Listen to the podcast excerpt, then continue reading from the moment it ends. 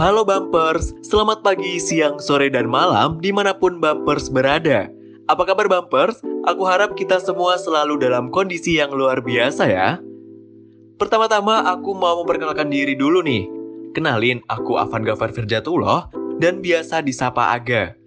Kali ini akulah yang akan menemani Bumpers di podcast Bambu Pelangi episode 3. Dengar-dengar nih, dua minggu lagi mahasiswa PKN STAN akan melaksanakan ujian akhir semester genap. Wah, nggak kerasa ya, waktu berlalu begitu cepat. Well, bagaimanapun, kita harus mempersiapkan ujian dengan baik. Semangat teman-teman, semoga semester genap ini dapat kita taklukkan dengan hasil yang maksimal. Ngomong-ngomong, pada saat podcast ini direcord, kita sedang bersama-sama melakukan PPKM akibat lonjakan kasus COVID-19 yang cukup tinggi kami harap bumper selalu stay safe ya, dan selalu mematuhi protokol kesehatan. Semoga pandemi ini bisa segera berakhir dan kita bisa beraktivitas kembali dengan normal. Di podcast Bambu Pelangi episode 3 ini, kita akan membahas topik yang sudah kita tunggu-tunggu nih. Apa tuh kira-kira? Aku kasih 3 detik untuk menebak. 3, 2, 1. Ya, tepat sekali. Apa kabar lapak di tengah pandemi? Dan sudah bersama kita di sini Kak Yudi Hariwibowo. Kak Yudi merupakan alumni PKN STAN tahun 2020 yang saat ini bekerja di Badan Siber dan Sandi Negara atau BSSN. Kak Yudi juga merupakan pengurus Bambu Pelangi yang sudah aktif sejak tahun 2017 dan luar biasanya Kak Yudi masih aktif untuk mengajar di Bambu Pelangi hingga saat ini loh. Langsung saja ya kita sapa. Halo Kak Yudi, apa kabar Kak? Uh, halo Aga, alhamdulillah uh, di sini uh, tepatnya kan di Depok ya. Alhamdulillah di sini baik-baik aja dalam keadaan yang baik gitu. Wah baik kak, semoga kita semua selalu dalam kondisi yang baik ya. Kalau boleh tahu kak, sekarang apa aja nih kesibukan kak Yudi? Mungkin bisa diceritakan secara singkat kak. Kalau sibukan pastinya karena udah lebih dari stand pasti ya udah kerja ya. Jadi ya kerja di kantor, walaupun ada masa ppkm ini, jadi juga ada ini sih pembagian BFO sama BFA gitu. Uh, mungkin sibuknya di situ sih sama di tadinya ya sebelum ppkm itu sabtu minggunya sih masih sering ngajar di lapak ya. Tapi karena ppkm akhirnya kita ya mau nggak mau harus memberhentikan proses pembelajaran ya. Karena kita juga nggak mau tidak mengikuti instruksi dari pemerintah jadinya selama ppkm ini sih jadi bisa dibilang agak sedikit lebih senggang lah Wah, Kak Yudi cukup sibuk ya, dan luar biasa nih Kak Yudi masih menyempatkan untuk sesekali berkunjung ke lapak bambu pelangi untuk bertemu dan mengajar adik-adik, namun sebelum masa PPKM ya. Kemudian Kak Yudi, pengen flashback sedikit nih, kami ingin tahu Kak, gimana sih bambu pelangi yang dulu? Mungkin Kak Yudi bisa menceritakan sedikit gambarannya nih Kak. Oke, jadi tentang cerita bambu pelangi ya, sebenarnya itu bambu pelangi kalau misalnya secara administratif itu tuh ada di tahun 2015 itu dia ngedaftar jadi UKM-nya PKM STAN lewat BEM ya. Tapi sebenarnya ketika aku di sana kan pernah tanya nih jadi di sana tuh ada anak bampel namanya tuh Ria dia itu sekarang mungkin seusia kalian sih. Mungkin kelahiran tahun 2000-an gitu. Nah uh, waktu aku ngobrol sama Ria katanya Ria itu bambu pelangi itu sebenarnya tuh udah ada dari dia kecil gitu. Jadi sebenarnya bambu pelangi secara organisasinya itu tuh udah udah ada belasan tahun.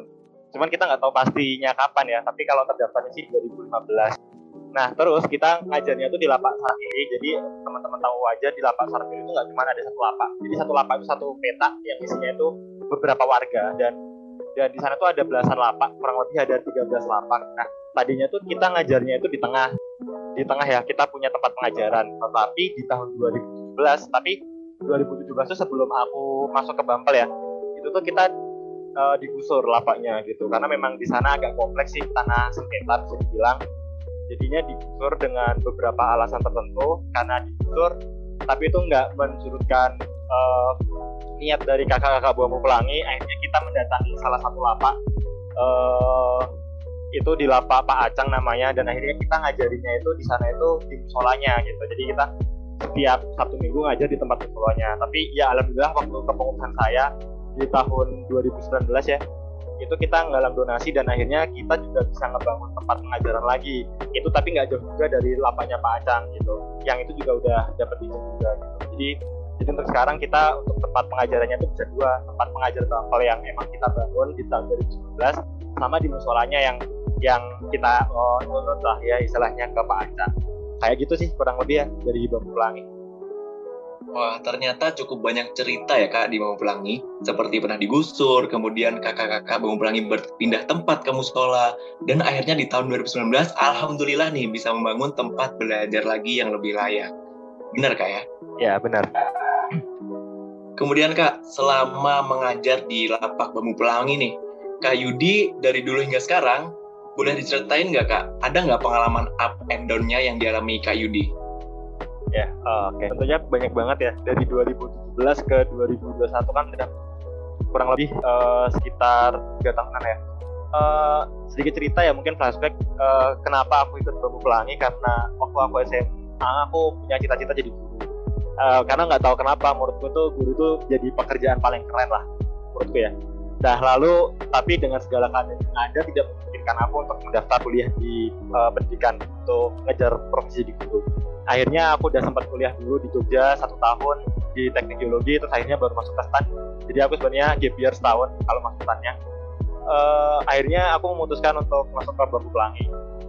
Nah sebenarnya itu aku nggak berekspektasi banget ketika masuk itu ternyata keadaannya bisa disparitas sosialnya itu separah ini aku tinggal di kota kecil di Magelang di Kabupaten Magelang dekat Borobudur di mana di sini memang tidak semuanya sesejahtera orang-orang Bintaro. Tetapi disparitas antara masyarakatnya gak tinggi ya atau perbedaan ekonominya lah. Sementara itu kaget banget aku waktu ke lapak kan itu lapak itu tengah-tengah antara Bintaro sama Jajar di mana di lapak itu benar-benar tengah-tengahnya dan kita kalau tahu sendiri ya kalau lihat Bintaro dengan keadaan mewah seperti itu tapi ternyata berapa kilo dari berapa meter atau berapa ratus meter dari situ. Dari stand juga yang uh, itu masih ada loh tempat semacam bambu pelangi di mana di sana belum tersentuh pendidikan formal secara menyeluruh gitu. Jadi nggak semua di sana anak-anak sekolah. Bahkan banyak yang nggak pernah sekolah entah itu SD berhenti dan lain-lain. Dan uh, up and down-nya tuh ketika aku ngajar di sana dan semakin lama semakin aku merasa diterima sama keluarga aku sampai pernah dibilang aku juga dianggap anaknya dari mereka gitu kayak dianggap anak angkat dari mereka gitu. Dan dan akhirnya ya justru sebenarnya rasa downnya itu hadir ketika aku sudah menganggap mereka jadi keluarga aku dan di sisi juga aku melihat keadaan keluarga di sana itu seperti itu gitu. Dan banyak banyak cerita lainnya juga gak uh, eh, terkait di sana. Contohnya waktu lapak kebakaran kita pernah dapat surat somasi karena itu tadi aku bilangnya ada sengketa tanah terus uh, ada adikku di sana yang uh, gak semuanya itu bisa menempuh pendidikan formal kayak kita. Karena sebenarnya kalau dari uang mungkin mereka bisa mengusahakan dari apa ya pemikiran atau mindset dari orang tuanya yang memang mereka tuh punya bahwa ya minta-minta aja bisa gitu. Karena di sana memang sebagian minta-minta tapi nggak semua ya di garis bawahi. Dan jauhnya lagi itu uh, di sana kan banyak adik-adik saya ya. Ada adikku namanya Ita dia dari 2017 itu udah ada gitu. yang awalnya itu dia tuh ngomongnya belum bisa lancar sekarang udah mulai ngomongnya lancar udah bisa mulai uh, nulis dikit-dikit gitu dan dia sekolah walaupun agak sedikit telat tapi uh, agak sedikit kan aku dulu sempat pernah ngasih dia gelang. Gelangnya itu gelang musik ya.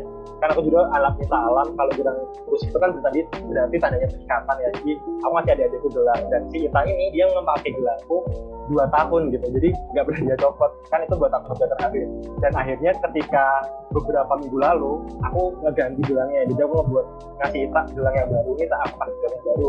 Karena kan gelang yang lama itu udah agak rusak ketika aku kasih gelangnya dan aku foto satu minggu atau dua minggu aku lupa pastinya setelah itu dia pindah. Nah di lapak ini memang sering banget pindah adik-adiknya gitu. Jadi ketika aku awal di sana dan sekarang aku ajar itu tuh perbedaan adik-adiknya itu udah signifikan banget. Dia sedihnya adalah ketika kita punya adik di sana kita kita udah ajarin tapi uh, dengan segala alasan entah itu alasan antar orang tua di sana atau alasan apa pun itu atau ekonomi dan mereka pindah ya itu buat aku berat banget. Karena aku ngerasa tugasku belum tuntas gitu. Tapi ya gimana lagi aku juga nggak bisa nggak bisa lagi untuk uh, mereka ya. Karena kan mereka pindah itu bisa uh, dari jauh-jauh gitu. Yang paling aku bawa dalam sih sebenarnya gara-gara pandemi sebenarnya awal ketika sebelum pandemi itu aku udah punya niat tingkat tiga itu aku bakal di lapak dan akhirnya dia pandemi ada aku dari Magelang nggak bisa balik ke lapak ya sedih banget sih ketika ketika tahu kalau di lapak itu banyak kejadian-kejadian yang aku hanya bisa bantu dari jauh. Itu sih. Tapi sebenarnya upnya juga banyak nih kak. Misalnya contohnya di sana tuh adik-adikku tuh aku melihat perkembangan mereka tuh senang banget. Itu buat aku semangat terus sih sama adik-adik tuh yang namanya Bi mungkin kalau kalian bagian kalian tahu ya Binya anak dari Pacang dia itu sekarang kuliah dia orang lapak bulong adik itu di sana tapi ada kuliah semester lima dia ngambil ekonomi eh ngambil akuntansi sorry. Dan uh, si Windy ini dia itu keren banget uh, selain dia itu kuliah dia kan warga lapa ya tapi itu dia juga membuat organisasi kayak Bumi Pelangi tapi dia ngajarnya lagi lapak kita. Dia ngajar di tempat lapak lain itu di lapak PLN namanya. Terus aku juga pernah kenal juga gitu.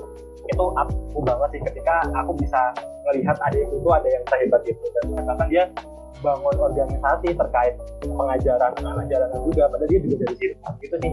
Ya banyak banget tapi tadi mungkin beberapa cerita yang bisa aku sampaikan baik Kak Yudi berawal dari cita-cita menjadi guru dan akhirnya berkuliah di PKN STAN dan memutuskan untuk bergabung dalam Bahu Pelangi untuk tetap bisa merasakan bagaimana rasanya menjadi guru. Luar biasa Kak.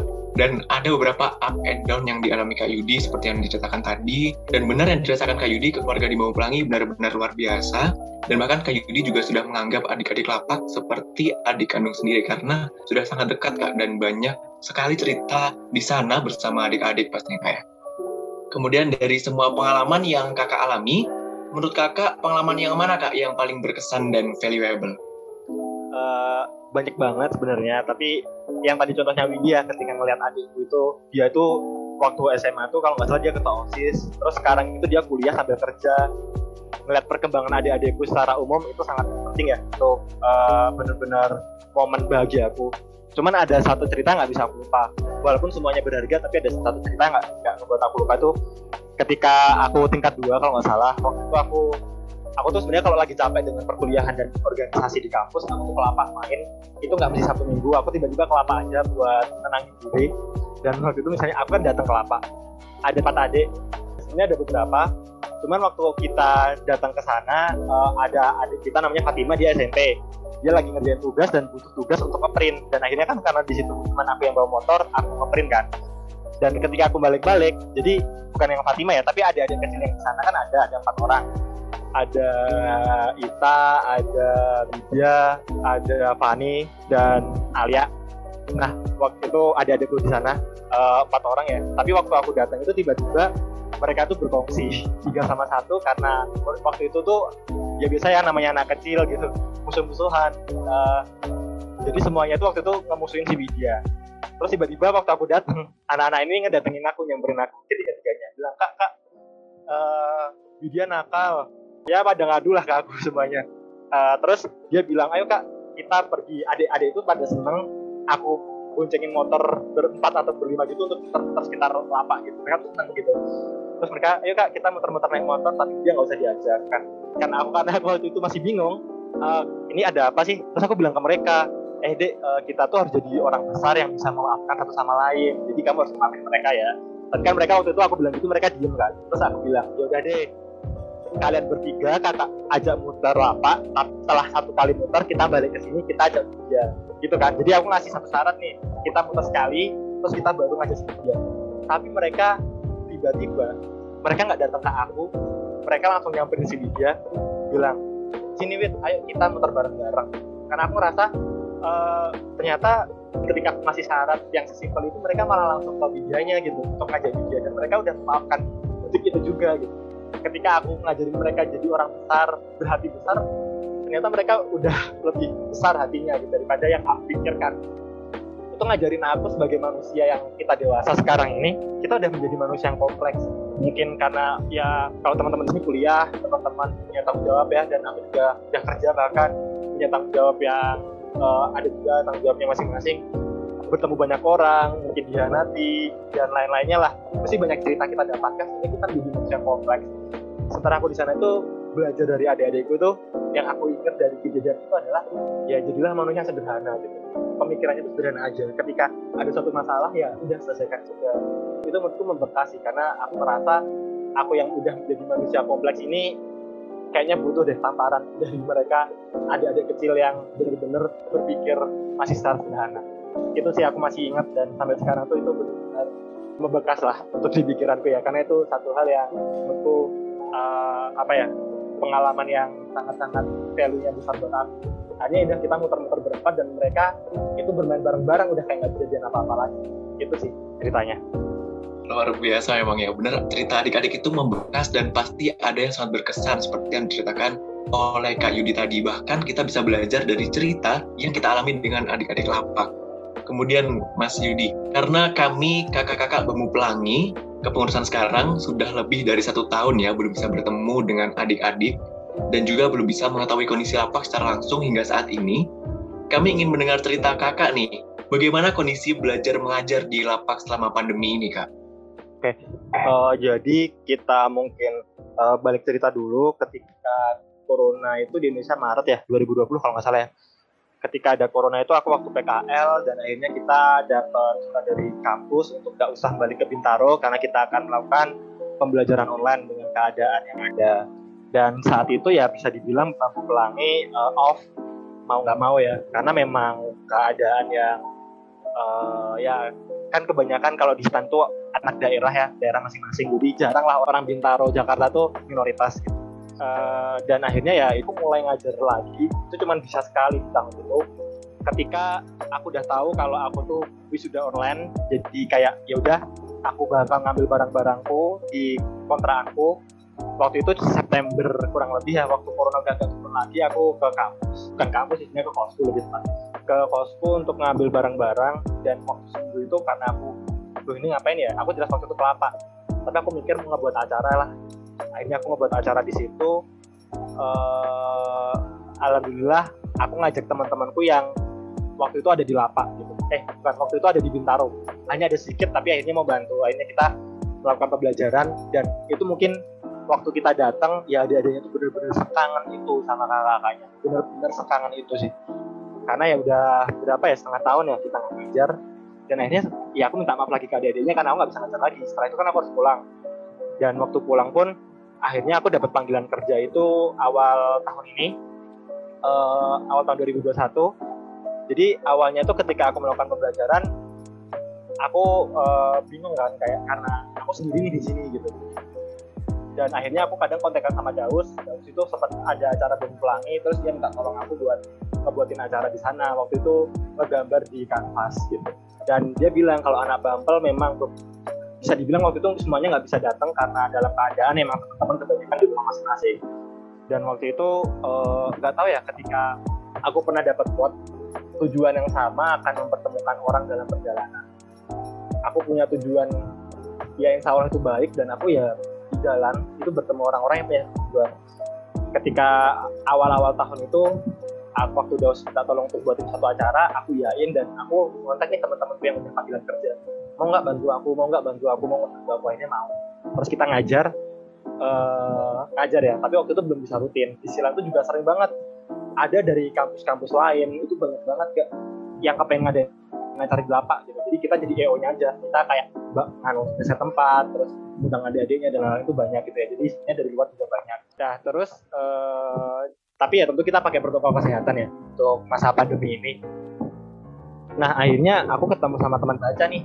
Uh, di mana teman baca ini waktu itu tuh dia komunitas yang uh, komunitas baru lah bisa dibilang komunitas baru yang lagi cari tempat ngajar kita nggak tahu kayak takdir mempertemukan kita kita ketemu kita ngobrol terus aku ngomong sama mereka mau nggak ngajar di sini? Toh aku juga akhirnya ngotak Daus juga tetap Bapak Pelangi ya Bi sama tuh tetap Bapak Pelangi saat ini. Akhirnya aku juga minta izin ke Daus teman ya karena dia jadi, jadi ketuanya terus akhirnya dari teman karena keadaan pandemi kan anak bapak gak pada bisa akhirnya teman baca ngajar. Dan ya akhirnya kita ngajarin secara rutin gitu. Jadi di uh, pandemi ini alhamdulillah kita masih bisa ngajar secara rutin Sabtu sama Minggu tetapi semenjak PPKM itu yang mulai tanggal 3 kemarin kita udah stop jadi kita terakhir itu datang itu kan ppkm pengumuman tanggal 3 nah tanggal terakhir itu aku satu minggu setelah itu tuh terakhir ke lapak aku ke sana ya cuman ngecek kondisi terus ibaratnya ya. Ya kayak terakhir aku ke sana lah. Gitu sampai saat ppkm itu terus sampai sekarang aku juga uh, gak bisa lagi buat ke sana gitu. Itu sih untuk pembelajaran sekarang di pandemi ini ya kayak gitu ada yang aku highlight banget nih tujuan yang sama akan mempertemukan orang dalam perjalanannya akhirnya kita Bawa Pelangi bertemu dengan komunitas teman baca sehingga ada yang bisa mengajar rutin di lapak. Kemudian apa nih kira-kira yang menjadi tantangan um, buat Kak Yudi sendiri dan juga mungkin komunitas mengajar teman baca selama mengajar di lapak selama masa pandemi ini Kak? Pertama waktu aku datang ke sana agak cukup kaget karena kita akan mulai dari nol. E, namanya kebiasaan itu kan terbentuk pelan-pelan. Awal waktu Bambal ke sana tuh mereka kebiasaannya udah bagus. Udah mulai ketika ada lagu ke style mereka pada datang akhirnya waktu itu kan ya karena udah lama eh, nggak uh, ngajar kita harus mulai menemukan kebiasaan baru itu ya itu ya ibaratnya kita kayak mulai dari nol lagi gak jadi kayak kayak di sisi lain aku aku kan ngajak-ngajak teman-teman baca di sisi lain kan aku sama teman baca tuh harus menjelaskan mereka nih keadaan di lapak tuh kayak gimana gitu secara sosialnya gimana adik-adiknya gimana terus kita buat kurikulum kita ya terus yang rapat lah. Ya itu tantangan tersendiri karena kita ngebuat itu dari nol. Dan dan yang tantangan terbesar pandemi. Pandemi itu lebih ke tantangan mungkin warga di sana. Ketika pandemi itu mereka agak kesusahan. Awal-awal pandemi agak kesusahan karena ya keluar aja nggak bisa gimana mereka cari sampah? Bahkan ketika pandemi itu nggak banyak orang yang akhirnya dia beli barang-barang sampah yang bisa pemulung ini ambil. Bahkan aku diceritain ya ya sampai kayak gitu ya secara mikronya. Misalnya orang-orang dia nggak pernah beli aqua atau teman-teman lagi ya. Uh, walaupun aku juga nggak menyarankan orang-orang di uh, minuman plastik juga ya. Tapi itu aku hanya menyampaikan kalau itu berpengaruh uh, uh, di lapak pemulungnya gitu. Uh, ya akhirnya juga buat kesusahan warga di sana gitu tapi ya alhamdulillahnya uh, sekarang ini karena adanya pandemi yang akhirnya uh, uh, pandemi yang sekarang ini ngebuat sampahnya itu harganya naik karena impor dari luar negeri yang biasanya juga ngasih sampah itu nggak ada lagi gitu. Jadi ya itu alhamdulillah udah teratasi. Itu sih jadi masalah utamanya kita memulai dari nol dan dan, dan kita ngebuat konsep baru nih ngebuat konsep baru di mana konsep baru yang kita kasih itu sekarang juga membuat tantangan sendiri. Kita ngebuat konsepnya itu membagi jadi tiga kelas, kelas A, kelas B, kelas C. Kelas A itu belum bisa membaca, kelas B juga bisa membaca, dan kelas C itu anak-anak adik-adik yang ini yang C yang baru ya, kelas C ini adalah adik-adik yang dia itu udah bisa kita ajak ngobrol dalam artian ya mereka 10 tahun ke atas lah gitu. Nah untuk kelas A sama kelas B kita biasa ngejar etika membaca menulis prakarya tapi untuk yang kelas C ini agak sedikit ada tantangan aku kemarin ngumpulin uh, orang-orang yang memang udah 10 tahun ke atas aku kumpulin alhamdulillah mereka mau gabung. Kita ngebuat prakarya dan akan kita jual gitu. Aku ngajarin mereka kemarin kita ngajarin mereka gimana cara pakai uh, marketplace contohnya kayak Shopee gitu. Kita ngajarin mereka mindset aku bilang ke mereka kayak uh, kalian itu ya kan di sana sebagian minta-minta. Aku bilang kalian bisa minta-minta sekarang waktu kecil tapi ketika kalian sudah dewasa lima tahun lagi lah katakanlah kalian akan menjadi orang-orang yang udah dewasa dan gak akan ada orang yang kasihan sama kalian lagi. Kalian nggak bisa untuk minta-minta kayak gitu. Ya itu sih itu salah satu tantangan terbaru. Dan dulu di Bangku Pelangi juga belum ada konsep seperti ini. Jadi jadi ya kita ajarkan. Dan alhamdulillahnya kemarin itu kita udah buat gantungan kunci dari tali sepatu. Itu udah jadi. Kedua kemarin terakhir sebelum ppkm itu kita ngebuat tali masker. Kalian tahu kan ya tali masker yang yang sekarang lagi gitu lagi rame. Pakai tali musik dan alhamdulillah kebanyakan dari adik-adik bisa. Dan kita catat dan aku bilang ke mereka untung dari ini buat kalian tapi modalnya akan kita tetap taruh di sini gitu. Biar nanti kalian bisa ngepakai modal ini untuk belanja lagi. Satu saat ya bakal mereka yang akan menjalankan bisnis ini gitu. Jadi itu tantangan tersendiri. Dan menurutku seru juga untuk bisa ngemulai entrepreneur ada di kita dan ada juga ada di sana yang kepengen jadi youtuber gitu. Ya aku bahkan bilang sama dia aku punya alat-alatnya nih kalau kamu mau ya ini aku kasih aku pinjemin gitu. Ya itu sih. Kita lagi mau mulai membangun mindset adik-adik yang 10 tahun ke atas biar ya mereka tuh bisa berdikari lah. Berdiri di kaki sendiri mereka nggak bergantung pada siapa itu tantangan yang sekarang kita hadapi dan tantangan terbesar adalah sekarang ppkm mau nggak mau kita harus stop pembelajaran dan ya gimana lagi memang keadaannya juga kayak gini ya keadaan yang ideal itu nggak bakal akan ada cara yang ideal juga menyelesaikan gitu karena udah keadaannya nggak ideal gitu mungkin gitu kan benar-benar dimulai dari nol dan tantangan terbesar berada pada keadaan yang serba terbatas selama pandemi ya kak. Dan ada konsep baru itu menurut saya juga luar biasa kak. Semoga bisa benar-benar membantu untuk proses belajar mengajar di lapak. Dan juga yang menarik, adik-adik diajari untuk berkarya, untuk menciptakan sesuatu yang bisa dijual, supaya bisa terus berputar lagi untuk belajar membangun mindset entrepreneur. Luar biasa. Jadi kalau udah jadi, aku kasihin ke kalian ya. Jadi kalau kamu punya rezeki bisa beli Rencana kita mau share di Shopee. Siap Kak Yudi. Kemudian Kak, karena kita harus melaksanakan social distancing ya, dan sangat tidak memungkinkan untuk kita, kakak-kakak mau pelangi, untuk berkumpul kembali dan hadir secara langsung di lapak untuk mengajar adik-adik mau pelangi lagi. Menurut Kak Yudi, bagaimana cara efektif untuk kita bisa tetap berkontribusi mengajar adik-adik di lapak Kak selama pandemi dan dengan kondisi yang serba jauh ini Kak? Oke, uh, pertanyaan yang bagus. Jadi kan waktu awal tahun itu kita ngajar langsung ya, karena memang keadaan waktu itu emang corona cenderung turun kasusnya. Tapi kan kayak mulai naik lagi sebulan belum ini. Nah, ketika sebelum ini tuh ada dari aku lupa salah satu universitas dia mau ngasih donasi dan mau ngajar, tapi gak jadi gara-gara naik. Tapi kemarin sebelum itu ada satu kampus itu tuh dia dari organisasi UKM uh, paduan suara kedokteran dari uh, Trisakti kalau nggak salah. Ya mereka juga dokter ya. Jadi mereka tahu banget nih, mereka tuh mau ngasih sosialisasi ke adik-adiknya. Tapi waktu itu kasusnya lagi tinggi nih gak, kasusnya berbeda tinggi lagi naik tapi belum ppkm. Nah waktu itu dibuat konsepnya gini, satu orang yang datang ke lapak dan beberapa dari kita, aku sama teman baca juga datang buat nyiapin. Nah di situ kita melakukan pembelajaran yang dan aku awalnya tuh masih skeptis ini bisa atau enggak karena adanya kan susah. Tapi sangat tergantung sama orang yang ada di sini ya. dan waktu itu adanya excited. Mereka karena dari teman-teman yang trik sakti ini bisa ngajar juga gitu. Uh, ngajarin terus dikasihin soal terus nanti yang uh, benar dan berhadiah itu dari zoom. Kita pakai dua laptop kanan sama kiri terus ada adanya nonton musiknya. Dan itu ada MC dan MC-nya itu di lapak MC-nya dari teman baca dan yang isi itu dari kakak-kakaknya yang dari Trisakti dan alhamdulillah waktu itu berjalan dengan lancar ya. Kakak-kakaknya itu ngajarin adik-adiknya tentang terkait sosialisasi lah tentang uh, eh, 3M ya sosialisasi tentang itu. Uh, dan waktu sosialisasi ke adiknya dengan cara online kasih pertanyaan. Misalnya uh, kalau misalnya dia teringat terus harus ngapain aja gitu.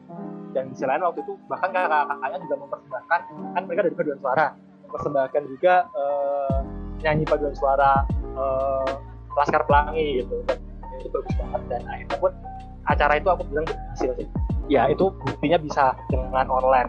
Nanti mungkin yang akan kelapak satu atau dua orang yang bakal di depan. Nanti kakak yang isi ya pakai biasa gitu. Agak sedikit ribet aku tahu konsepnya agak sedikit ribet. Untuk kedua belah pihak dari yang di lapangan atau yang ngezoom. Dua-duanya sama-sama repot tapi tapi kalau ditanya bisa atau enggak jawabannya bisa gitu. Nah kedua sebenarnya selain pembelajaran yang kayak gitu kan emang agak sedikit kompleks. Ada juga sebenarnya bisa dengan kita coba cari tahu untuk masalah secara umumnya mereka tuh butuh apa. Nah, ketika kita butuh apa, kita bisa ngadain donasi. Itu salah satu contoh yang misalnya konkret ya, selain ngajar, kita juga loh bisa ngadain donasi. Kayak kemarin di sana itu uh, jembatannya tuh mau ambrol dan di sana itu uh, musolanya itu kan kita kan bawahnya itu uh, belum lantai yang musola atau tempat kita ngajarannya mau dikasih lantai dan akhirnya kemarin kita open donasi alhamdulillah uh, itu teman baca eks pelangi dan alhamdulillah tercukupi tercukupi dan akhirnya uh, pertama untuk musolanya dulu ya untuk musolanya udah dibangun dan untuk jembatannya itu udah dibenerin tapi sebenarnya belum ideal tapi udah bisa dilewatin. Nanti nggak tahu nih dananya kita kira-kira masih satu enggak nanti kita bakal coba untuk membangun jembatannya. Karena jembatan itu kan juga jembatan penghubung entah itu penghubung uh, orang-orangnya rezeki orang tua ke anaknya dan banyak banget lah orang lewat sana. Itu sih jadi sebenarnya uh, ya di hal yang kayak gini sebenarnya kita emang untuk untuk melakukan pedagogi ya atau proses pembelajaran yang memang berbeda dan bisa juga gitu walaupun agak repot kayak gitu kan sebenarnya tetap banyak cara yang bisa dilakukan walaupun keadaan yang serba terbatas ya, seperti salah satunya dengan pengajaran online seperti Kak Gika. Um, kemudian Kak Yudi, um, ini mungkin akan menjadi pertanyaan terakhir dari kami nih Kak. Gimana nih harapan Kak Yudi terhadap mahasiswa dalam menanggapi isu pendidikan anak-anak marginal? Oke, okay. uh, eh, ini berarti closing statement sekalian ya. Uh, gini sih buat teman-teman, ya sebenarnya kita bebas untuk berkontribusi di mana pun. Ada teman-teman yang berjuang di kesehatan sekarang itu jadi pahlawan untuk menghadapi virus corona. Ada kita-kita yang mungkin fokus ke pendidikan, ada yang ngajar di daerah, ada yang ngajar di lapak dan lain-lain. Ya menurutku kita bisa berkontribusi di mana pun kita berada. Tapi pada karena ini aku fokus di pendidikan, jadi aku pernah dapat suatu, jadi di uh, eh, PKN STAN itu pernah ada uh, penampilan drama dari teater alir dan di situ ada satu quote yang aku tuh tangkap teaternya tuh nyeritain orang jalanan di situ quote-nya itu bagus banget yang kalian lihat kami hanyalah manusia yang miskin dan tidak berbudi sampai kalian semua lupa bahwa kami juga punya mimpi. Aku waktu ngeliat quote itu tuh kayak benar-benar terharu gitu ya. Kadang kita ngerasa terlalu merendahkan adik-adik kita di sana. Kayak mungkin beberapa dari kita atau mereka tuh juga kadang sering bilang kalau kadang dihina di sekolah. Uh, kita memandang rendah mereka tapi sebenarnya kita nggak pernah tahu mereka itu sehebat apa mereka itu sekeren apa yang mereka hadapi itu jauh-jauh lebih besar nggak daripada kita ya? Jauh banget. Mereka itu dituntut untuk lebih dewasa daripada umur mereka. Itu tuh bener banget karena di sana ada yang udah kehilangan orang tuanya bapak ibunya mereka udah ada yang kerja dari kecil mereka udah ada yang waktu itu aku ngajak ngajar adikku tapi adikku ini dia harus mencuci pakaian dua adiknya padahal dia masih SMP gitu. Kita waktu SMP kan belum mesti disuruh mencuci pakaian ya sama orang tua kita ya. Tapi dia dari SMP udah mencuci pakaian dua adiknya. Nggak tahu tuh. Uh, ya maksudku uh, dengan segala keadaannya yang aku mau sampaikan ke teman-teman bahwa ya adik-adik kita ini sebenarnya cuma butuh kesempatan kok. Aku percaya kalau kita ngasih adik-adik kita ini kesempatan mereka juga orang yang hebat gitu. Sebenarnya sekarang kekurangan dari semuanya ini karena mereka tidak kemiskinan struktural jadi memang susah secara strukturalnya mereka bisa dalam tanda kutip ya sukses lah gitu. tapi sebenarnya yang bisa kita lakukan uh, untuk aku kasih tahu ke teman-teman itu banyak hal entah mau dari donasi atau berbagai gimana pun tapi kalau emang teman-teman mau terjun di bidang ini nggak bisa kita hanya mikirkan satu konsep kita emang harus terjun ke lapangan biar kita tuh tahu sebenarnya apa sih permasalahan yang ada di lapangan gitu sih. Dan yang terakhir mungkin kita jangan jadi harus kompleks. Harus kompleks itu istilahnya tuh kita ngerasa bahwa kita bisa menyelesaikan semuanya. Itu perasaan yang biasanya dihadapi atau dialami semua volunteer di awal-awal. Dia akan ngerasa aku bakal menyelesaikan semuanya permasalahan dari lapak ini atau aku akan menyelesaikan masalah Indonesia.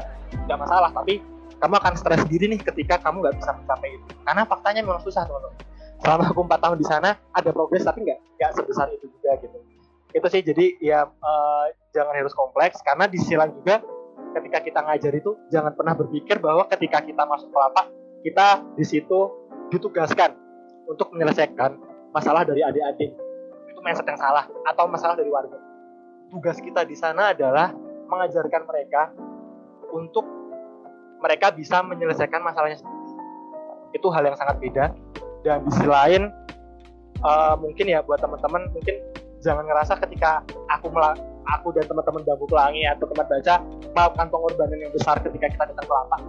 Sebenarnya kalau aku boleh bilang selama 4 tahun ini daripada apa yang aku kasih ke lapak sebesar-besar yang mungkin aku kasih ke lapak aku masih ngerasa aku lebih ba lebih banyak dapatnya dari mereka entah itu dari segi pembelajaran hidup dari segi kasih sayang dari mereka dari adik-adik yang setiap aku datang pada tiba-tiba pada datang semua merumpuni tersalib-salib ya itu adalah satu kejadian yang nggak bisa aku materialisasikan lah gitu. Itu itu pengalaman yang bagus banget buat aku. Dan yang mau ini kita lagi teman-teman berbuat baiklah di mana pun kalian berada sekecil apa pun itu karena pada dasarnya tidak ada kebaikan yang sia-sia. Itu sih mungkin dari aku Kak Yudi. Berbuat baiklah di mana pun kalian berada, dan sekecil itu, yang penting kita harus berbuat baik, Kak. Wah, banyak sekali nih yang dapat kita ambil dari cerita-cerita Kak Yudi. Dan di beberapa part ada yang bikin aku terharu nih jujur, karena tiba-tiba muncul rasa rindu dengan adik-adik dan suasana lapak mengajar Bambu Pelangi itu sendiri. Kami, kakak-kakak Bambu Pelangi, sangat ingin bisa terus membantu mengajar dan belajar bersama dengan adik-adik. Namun dengan segala kondisi sekarang, mungkin kami belum bisa membantu dengan hadir secara langsung dan berkontribusi banyak dalam proses mengajar di lapak. Semoga dalam waktu dekat kita bisa bertemu bersama-sama lagi dengan adik-adik bawah pelangi ya kak. Ya, aku nunggu banget lah teman-teman ketika nanti keadaan udah mulai baik. Aku sangat menunggu kedatangan dari teman-teman. Baik, terima kasih banyak Kak Yudi atas update mengenai bagaimana kabar lapak selama pandemi dan telah dijelaskan dengan sangat rinci oleh Kak Yudi tadi dan di tengah keberatan dan kesibukan Kak Yudi pun masih menyempatkan waktu untuk bisa hadir di podcast Bambu Pelangi. Terima kasih banyak Kak Yudi. Ya siap sama-sama. Makasih buat Aga, Anissa dan teman-teman dari tim Bambu Pelangi semuanya. Semoga kita dalam keadaan sehat selalu. Amin. Semoga kita selalu dalam kondisi yang baik-baik dan luar biasa. Well, bumpers, Untuk berbuat baik, tak perlu menunggu baik. Mulailah melakukan kebaikan hingga kita menjadi lebih baik dan memberi kebaikan. Walaupun di tengah pandemi ini kita serba terbatas, semoga kita bisa selalu menebar kebaikan. Baik, aku Aga pamit undur diri. Sampai jumpa teman-teman di podcast Bambu Pelangi episode berikutnya. See you!